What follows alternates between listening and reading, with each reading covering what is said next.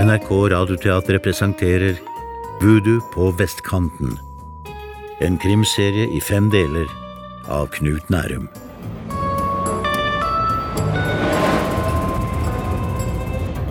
Jeg hadde ikke regnet med å måtte kaste en stol i hodet på min venn Njål Gram. Men han rettet et ladd våpen mot sin onkel Emil, og jeg ville ikke at han skulle gjøre seg til morder. Han hadde nok å stri med som det var. Ikke minst hadde hans døde far sendt ham en tekstmelding med ordene Jeg ble myrdet. Gi den til meg. Njål, gjør som han sier. Ikke rør meg! Njål, gi meg den, ellers må jeg Njål. Hva er det vi gjør med rotter? Jeg håper ikke denne stolen er antikk. Tredje del Tegnet i teppet.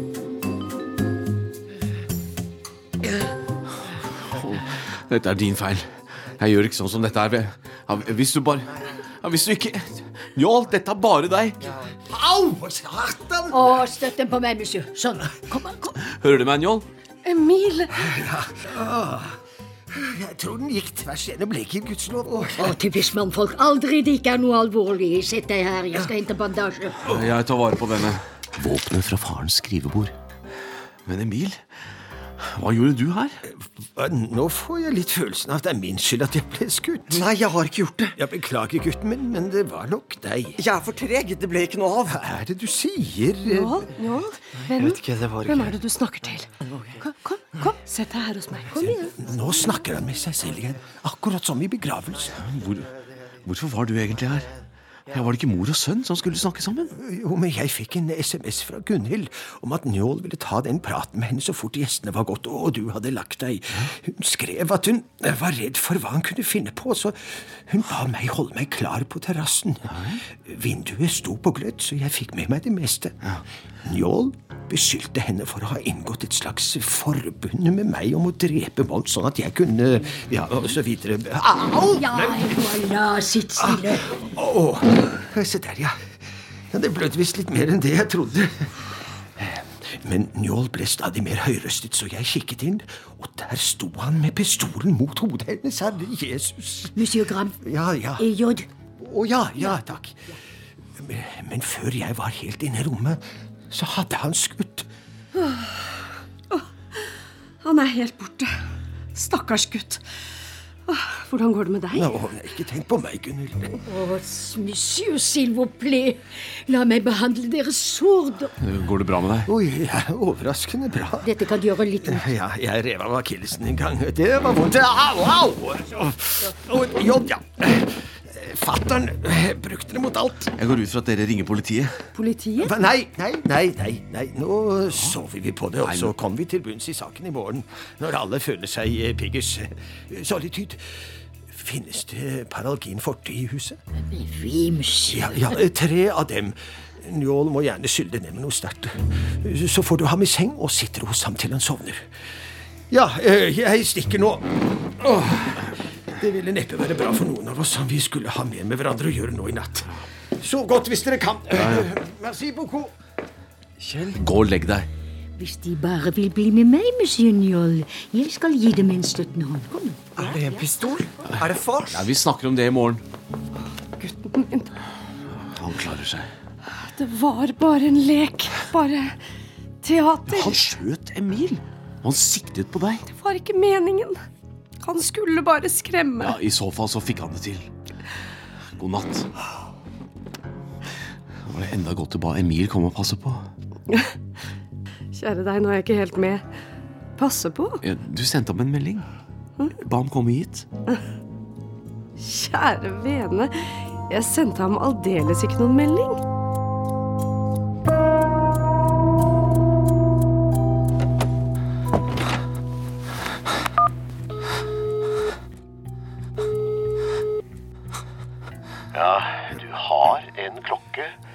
Oberon, du ba meg ringe hvis det skjedde noe av betydning. Ja vel, Nilsen, du ringer meg ti over halv to natt til søndag. Betydning? Jeg, jeg vet ikke hvor jeg skal begynne. Det...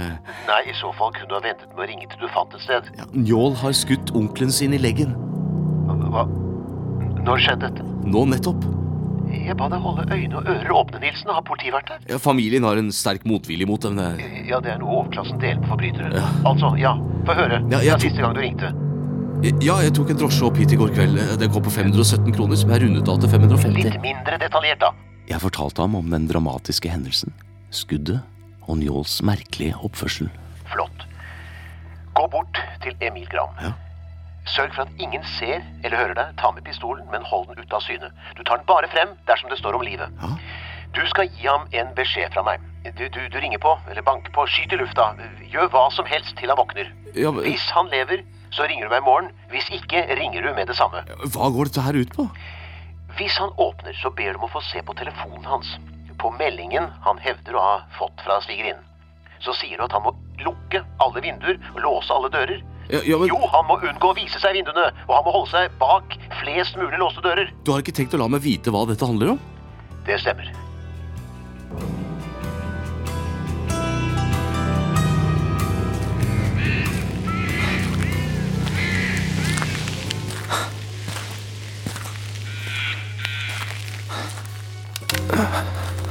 Jeg griper hardere om pistolen i frakkelommen. Stikker den ledige hånden i den andre lommen og Det er noe der. Jeg tar det ut. En slags Jeg tar frem mobilen og slår på lommelykten. Det er en pute av lær, men det er sydd et ansikt i den. Et enkelt ansikt med hvite plastperler til øyne. Døde øyne uten pupiller og en tynn, lys tråd langs den øvre kanten. Men det er ikke en tråd. Nei. Det er hårstrå. Mørkblondt. Sju-åtte centimeter. Mine.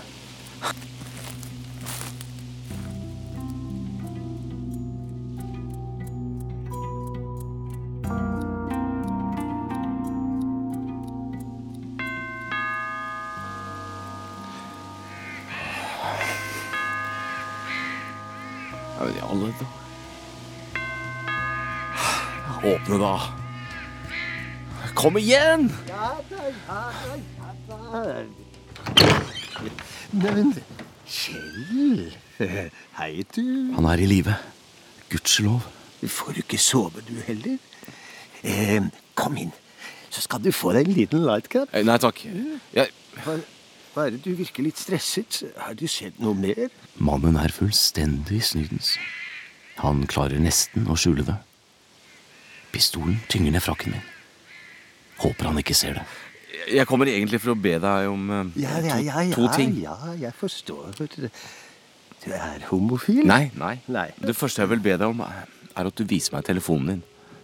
Hva, telefonen eh, Ja, Du sa du hadde fått en melding fra Gunhild hvor hun ber deg komme og holde vakt utenfor.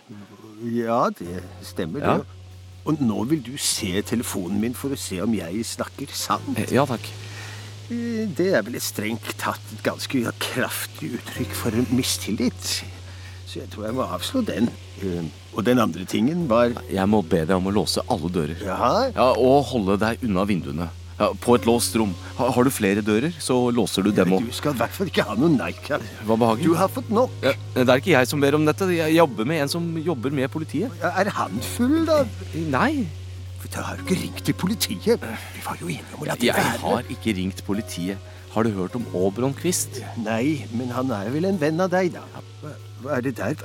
Er det en pistol? Uten å tenke over det, står jeg plutselig med pistolen i hånden. Bare gjør det, OK? Ja da, ja da, jeg skal gjøre det. Jesus. På det er en måte til melodrama. God natt. Hvis du lar den pistolen ligge i gangen, så, så kan du få en liten nightcap likevel. God natt. Bare en ting. eh, Hvis det er så veldig farlig for meg å vise meg i et vindu, hvorfor er det da trygt for deg å være der ute? Jeg har ikke noe svar på det spørsmålet. Himmelen er dyp fiolett med lysere trevler av grå skyer. Over Oslogryten der nede ligger det sedvanlige gule lokket. Jeg får en følelse av at jeg ikke er alene. Hallo? Er det noen der? Jeg tar frem pistolen. Venter. En vag skygge forsvinner bak et tre. Jeg lister meg stille etter. Nei, ingenting. Jeg må ha forestilt meg det. Går videre.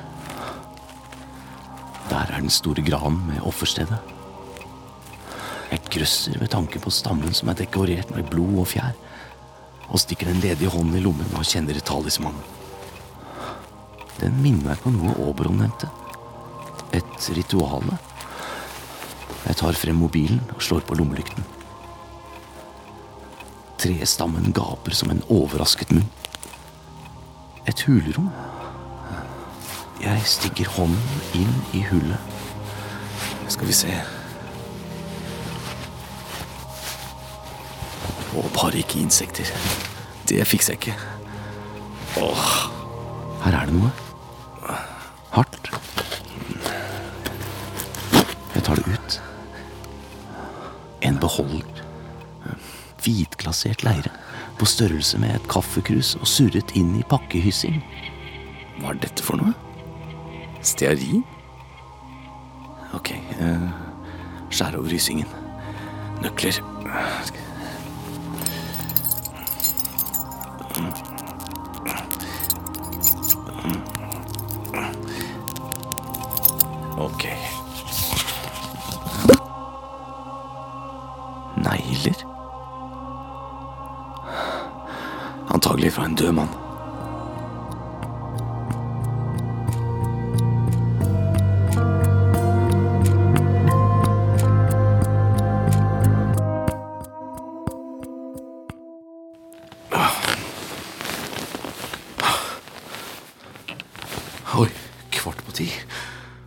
Opplevelsene fra natten slo mot meg.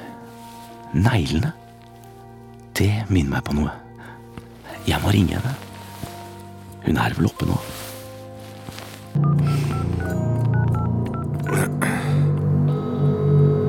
Hei, det er Kalla. Åh, Hvem snakker jeg med? ja, dette er Kjell eh, Nilsen. Gram Nilsen. Jeg var innom dere på begravelsesbyrået på torsdag. Ja ja, forfatteren. Ja, Så har jeg gitt deg dette nummeret? Jeg, jeg fant det på nettet. Ah, så du har eh, Ok. Men eh, hvordan går det med dere? Med oss. Familien? Å, du, det går Ja, som forventet. Du, det, det var en ting du nevnte Ja, det har forresten med henne å gjøre. Eh, Tante Gunhild. Du sa at hun ble med i bilen fra Eilif Grams vei. Den natten med avdøde onkel Mons. Til kapellavdelingen. Ja. Vi ordna det formelle med legen. Hun dro og ville avdøde på båret. Så ville fru Gram absolutt være med. Ja. Ja, Det er noe vi pleier å tilby. Det går tre i forsetet. Men det var måten hun oppførte seg på. ja, måten. Ja, hun hadde noen merkelige forslag til hvilken vei vi skulle ta. Omveier. Og, og, og så måtte vi kjøre fort. Litt som om hun var redd for at dere ble forfulgt? Kanskje. Ja. Ja, I denne jobben venner man seg jo til at folk oppfører seg irrasjonelt. Men hvorfor spør du? Tror du det var hun som var i krypten? Uh, nei Vel er- Har du snakka med Kvist? Nei. Hvordan det? Altså, det er ikke en sånn sak. Det er ikke noe du kommer til å skrive om. Uh, Nei, det blir jo i familien, dette. Kanskje du skulle? Uh, Snakke med han? Jeg vet ikke. Ja, Hvis det er noe mer du lurer på, så Ja da. Ja, da har du jo nummeret mitt. Ja, ikke sant? Ja, ja. Hvis Ja, hvis Ja, den, den er god. Ja, Idiot. Jeg har lovet Kvist en rapport, men først må jeg slå av en prat med Gunhild Gram. Og før den tid Du verden. Gul Ferrari. Lav som et akebrett. Hm, Hvem kan det være? En kjapp dusj og en ren skjorte. Så er jeg klar for frokost og et møte med Ferrari-folket.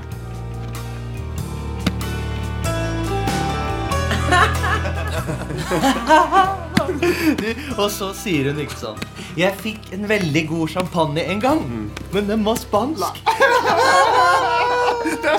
Dette må være seilevennene. Gutta, dette er Kjell, forfatteren. Njål er en overraskende fin form til å være en mann med ispose på hodet. Ja, Henrik, hyggelig. Hei, Kjell. Hyggelig. Pelle, hyggelig. Kjell, ja, hyggelig. De heter Henrik og Pelle, og sånn ser de jammen meg ut. Lyse lugger. Pelle har forsynet meg pannebånd. Klær med små hester og ankre på. Synd du ikke kan være med da. Ja, det var jævlig synd, ass. Jeg sa at du er for opptatt med å skrive. Eh, ja, jo um... Husker han ingenting fra i natt? Ja, det er dritt med å være forfatter, ikke sant? Du er nødt til å skrive. Nødt til å skrive! ja, Så dere skal på fjorden i dag? Til eh, Hvaler og forbi. Har rett og slett tenkt å gjøre svenskekysten i Henriks båt. Ja vel. Du blir borte en stund, da? I utgangspunktet hadde jeg tenkt å bli hjemme sammen med mor, men så nevnte onkel Emil at det ville være en god ting for meg å komme bort litt. Nei, Det var jo han som tok kontakt med oss, da. Eh, Onkel Emil? Ja, ja. Kaffe? Ja, takk. Solitude. Kaffe til Kjell. Oui, monsieur. Egg og bacon og toast og juice. Beste som finnes på en søndag. To ord med deg. Du har en kul i hodet, ikke sant? Husker du hvordan du fikk den? Jeg tror noen slo meg. Ja, Det som skjedde i natt. Hvor mye husker du av det? Alt, tror jeg. Det rare er at jeg ser det utenfra. Som om det var en annen som holdt i pistolen og skjøt onkel Emil. Men jeg trodde faktisk at det var en tyv på vei inn i rommet. En som ville skade mor og meg. Egentlig er jeg en feiging. Jeg har aldri vært i en slåsskamp. Normalt i en sånn situasjon ville jeg bare falt sammen i en haug. Men det var som om en annen styrte hånden min. Enda godt at jeg ikke traff ordentlig. Nå må du spise.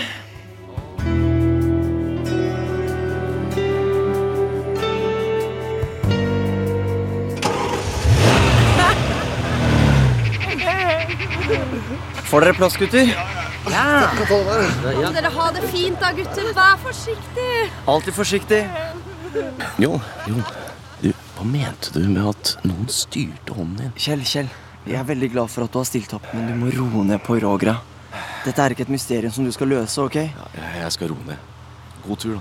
Ha det, da, fru G. Å, ha det bra, da. Pass godt på hverandre. All aboard! Å, Bayers! Jeg tror nesten jeg må ta meg et bad. Du bare lar ham dra. Som det. Ja, han spurte ikke om lov. Jeg kan ikke passe på han. Det er det som jeg har fryktet. Que Dieu est de la son âme. Unnskyld? Jeg ønsker dem bare en god tur. Men det du sa, hva betyr det? Det betyr nåde på hans sjel. Monsieur Schell, pass dem for de rike. De bruker dem så lenge de vil. Hva? Jeg sa vær forsiktig. Ja Eh, Vet du hvor Gunnhild gikk?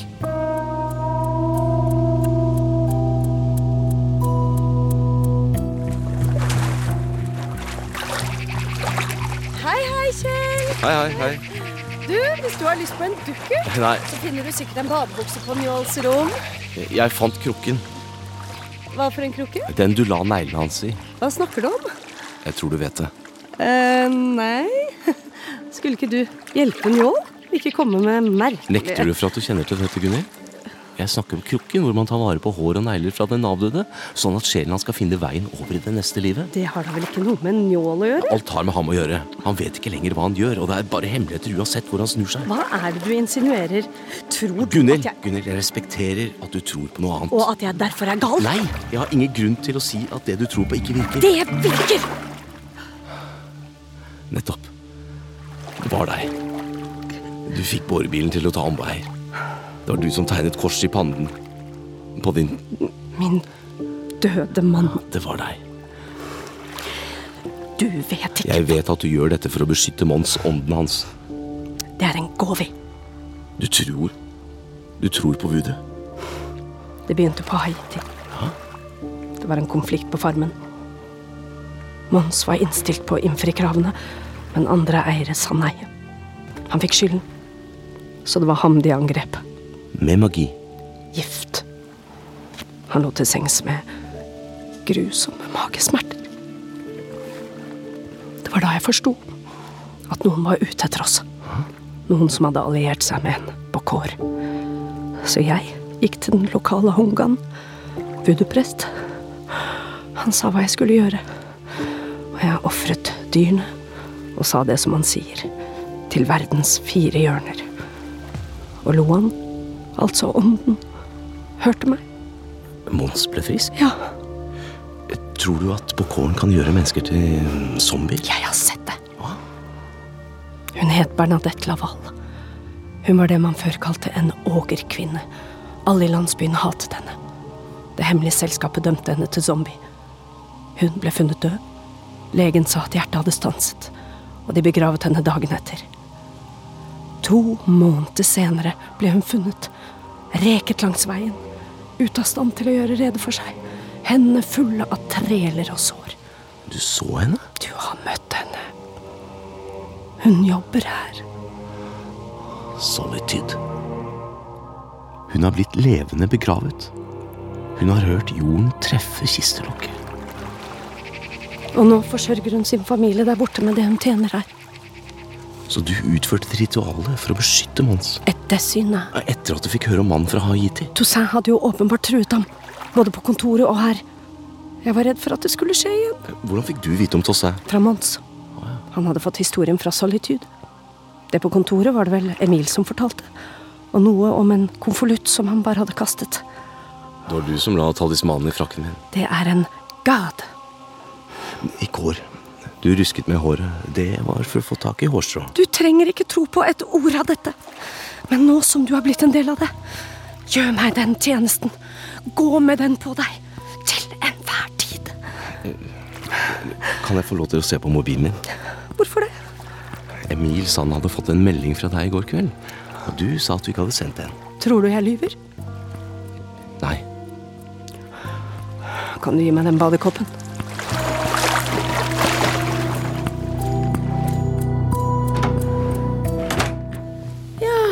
Her er den. Har den alltid her på kommoden. Det er en sånn gammel damemobil. Ikke noe internett, ingen kode, ingenting. Den siste sendt til Emil i går klokken Hva står det her, da? 1708. Det var før middagen. Mhm. Som jeg sa. Og nå får du ha meg unnskyldt.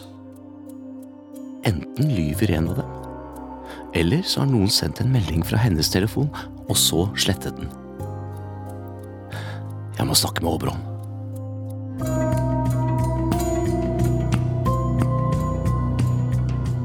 Stans båtturen, ring Njål Gram og be ham komme hjem. Men han har reist. Så få ham til å snu. Det neste du gjør, er å se hvordan det står til med Emil Gram. Det var bare et kjøttsår. Nå! Du sa jeg skulle ringe Njål først. Gjør alt først. Ah. Ring ham på veien til Emil, og ta med pistolen.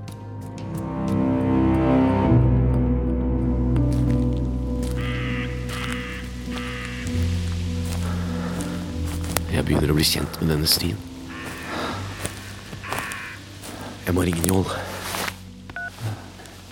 Mobiltelefonen er slått av eller befinner seg i et område uten dekning. Åh, for fuck's sake. Jeg får spørre Gunhild etterpå.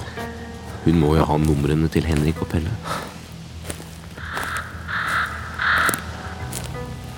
Her er offerstedet. Ingen har tørket vekk blodet. Tror virkelig Gunhild på dette?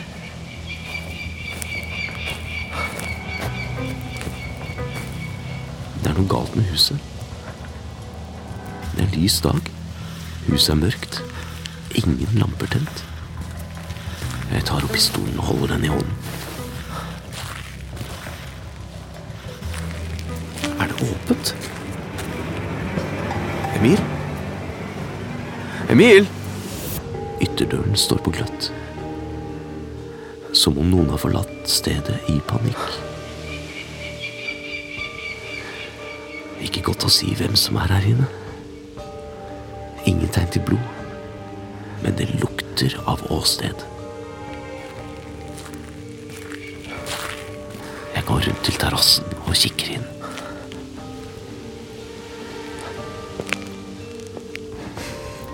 Ingenting på kjøkkenet. Ikke der inne. Hva med stuen? Arbeidsværelse. Bibliotek. Er det en fot? Der ligger han. Emil Gram. På ryggen. Åpen munn. blå tunge. Og så er det noe på halsen hans. Fiolette flekker. Som avtrykk av kraftige fingre.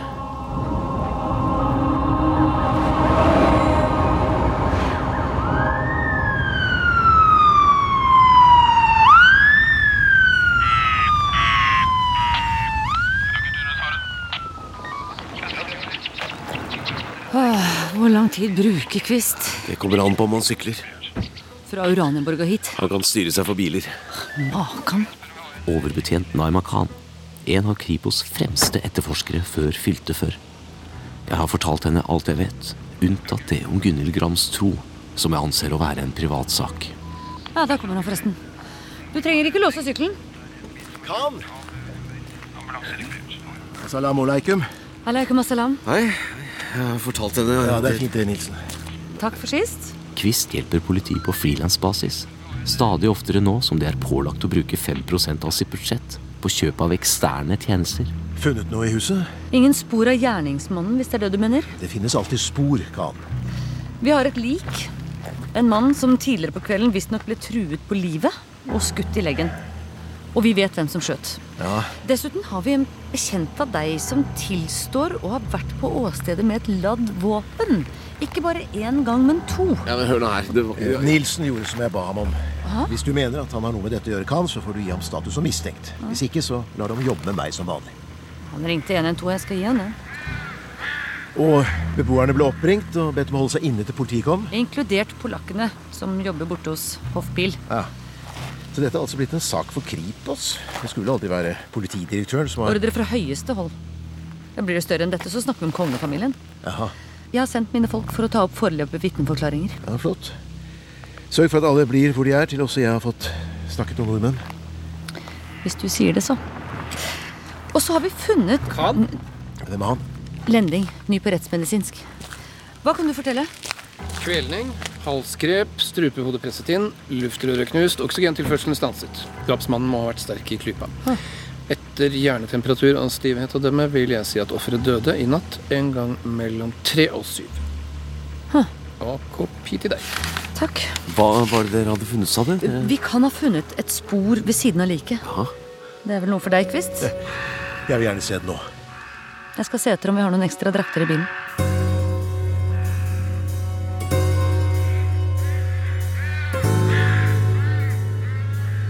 Få minutter etter har vi skiftet og går tilbake rundt huset til sydveggen. Den som vender mot fjorden. Følg etter meg. Vi kan gå gjennom terrassedøren. De krasse lampene på terrassen tegner skarpe skygger og får scenen til å fremstå som et diorama. Der inne. Og det var slik du fant ham? Akkurat sånn. Tre teknikere er opptatt med fotoapparat, lasermåler og nettbrett. Den fjerde sitter på knærne og plukker noe ut av teppet med pinsett. Så kan dere ta disse på føttene. Akkurat som å være hos tannlegen.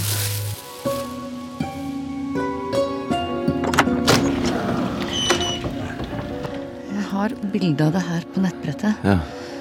Vi kan se på fingeren først. Hvis jeg zoomer inn her nå. Ser du det? Kvist? Ja. Under neglen der. Er det fiber? Det er korte, blå fiber, som i teppet. Ja. Og så tegnet. Ja, se der. Han er altså krafset i teppet. Brukt sine siste krefter til å fortelle oss hvem morderen er. Er det en bokstav? Det ser sånn ut. En N? Kan det være N for Njål? Ja. er nevøen hans. Ja, nettopp. Han tar fortsatt ikke telefonen. Verken han eller de to andre. Vi kommer til å sende ut et varsel til alle kamrene i Østfold, og, og til våre kolleger på den andre siden av grensen. Men hvis vi Ikke ta på han! Men- men- Ja, jeg tar ikke på ham, Khan. Hva hva er det der på halsen? Ja, i, i, ikke de indre blødningene. Det er noe utenpå huden. Se, i, i omkring fingeravtrykkene. Det ser ut som jord. Vi må analysere det før vi kan si noe mer. Mannen kan ha blitt kvalt av en som hadde svart jord på hendene. De døde reiser under jorden. Hva? Mm? Det var ingenting.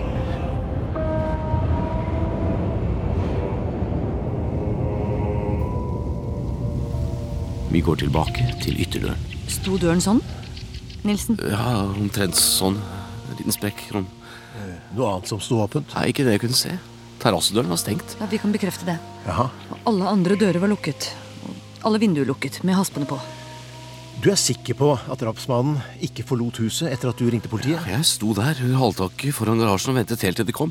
Men hvordan kom politiet inn gjennom porten? De ringte på de to andre husene. Det var datteren i 1C som slapp oss inn.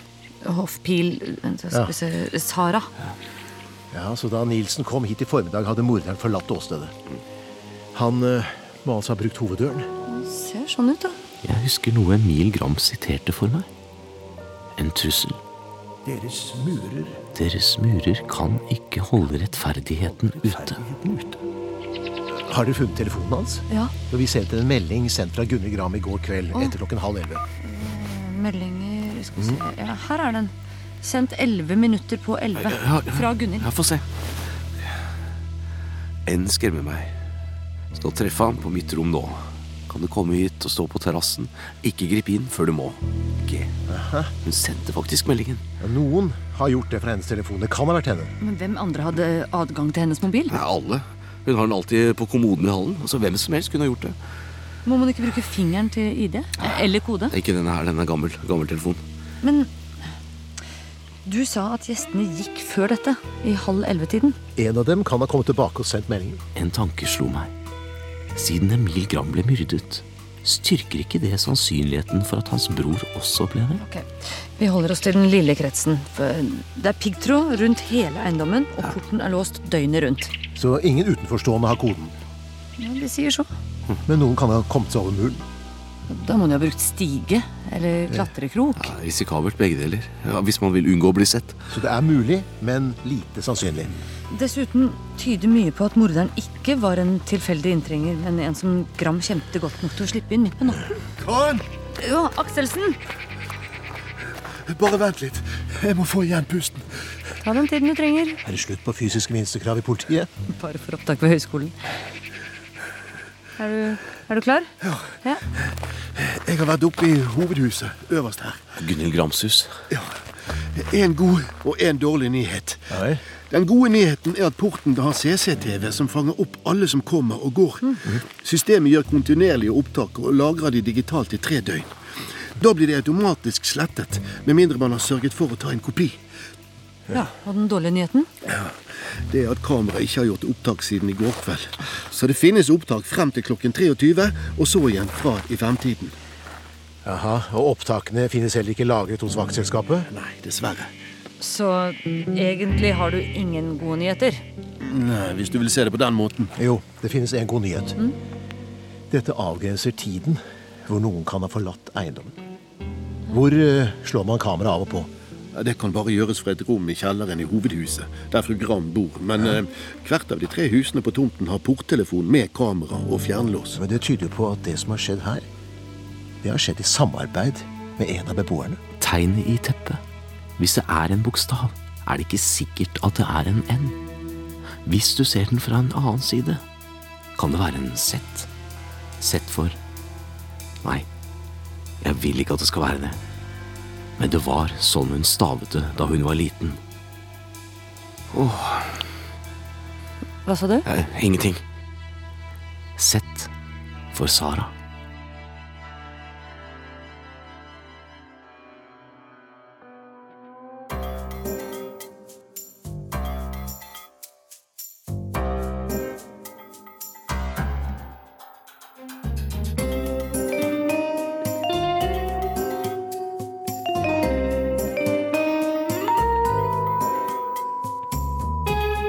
NRK Radioteatret har sendt tredje del av Voodoo på vestkanten, en kriminalserie i fem deler av Knut Nærum.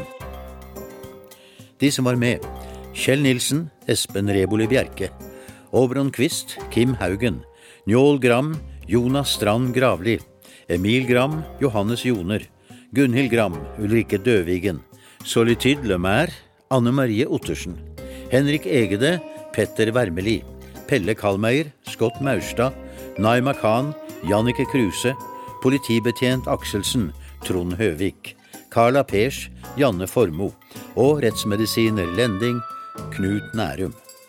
Dramaturg Mathias Kalmeier. Manusbearbeidelse Arne Barka og Else Barrat Due. Komponist Marius Christiansen. Produsent Høystein Kjennerud. Lyddesign Arne Barka. Og regi Else Barrat Due.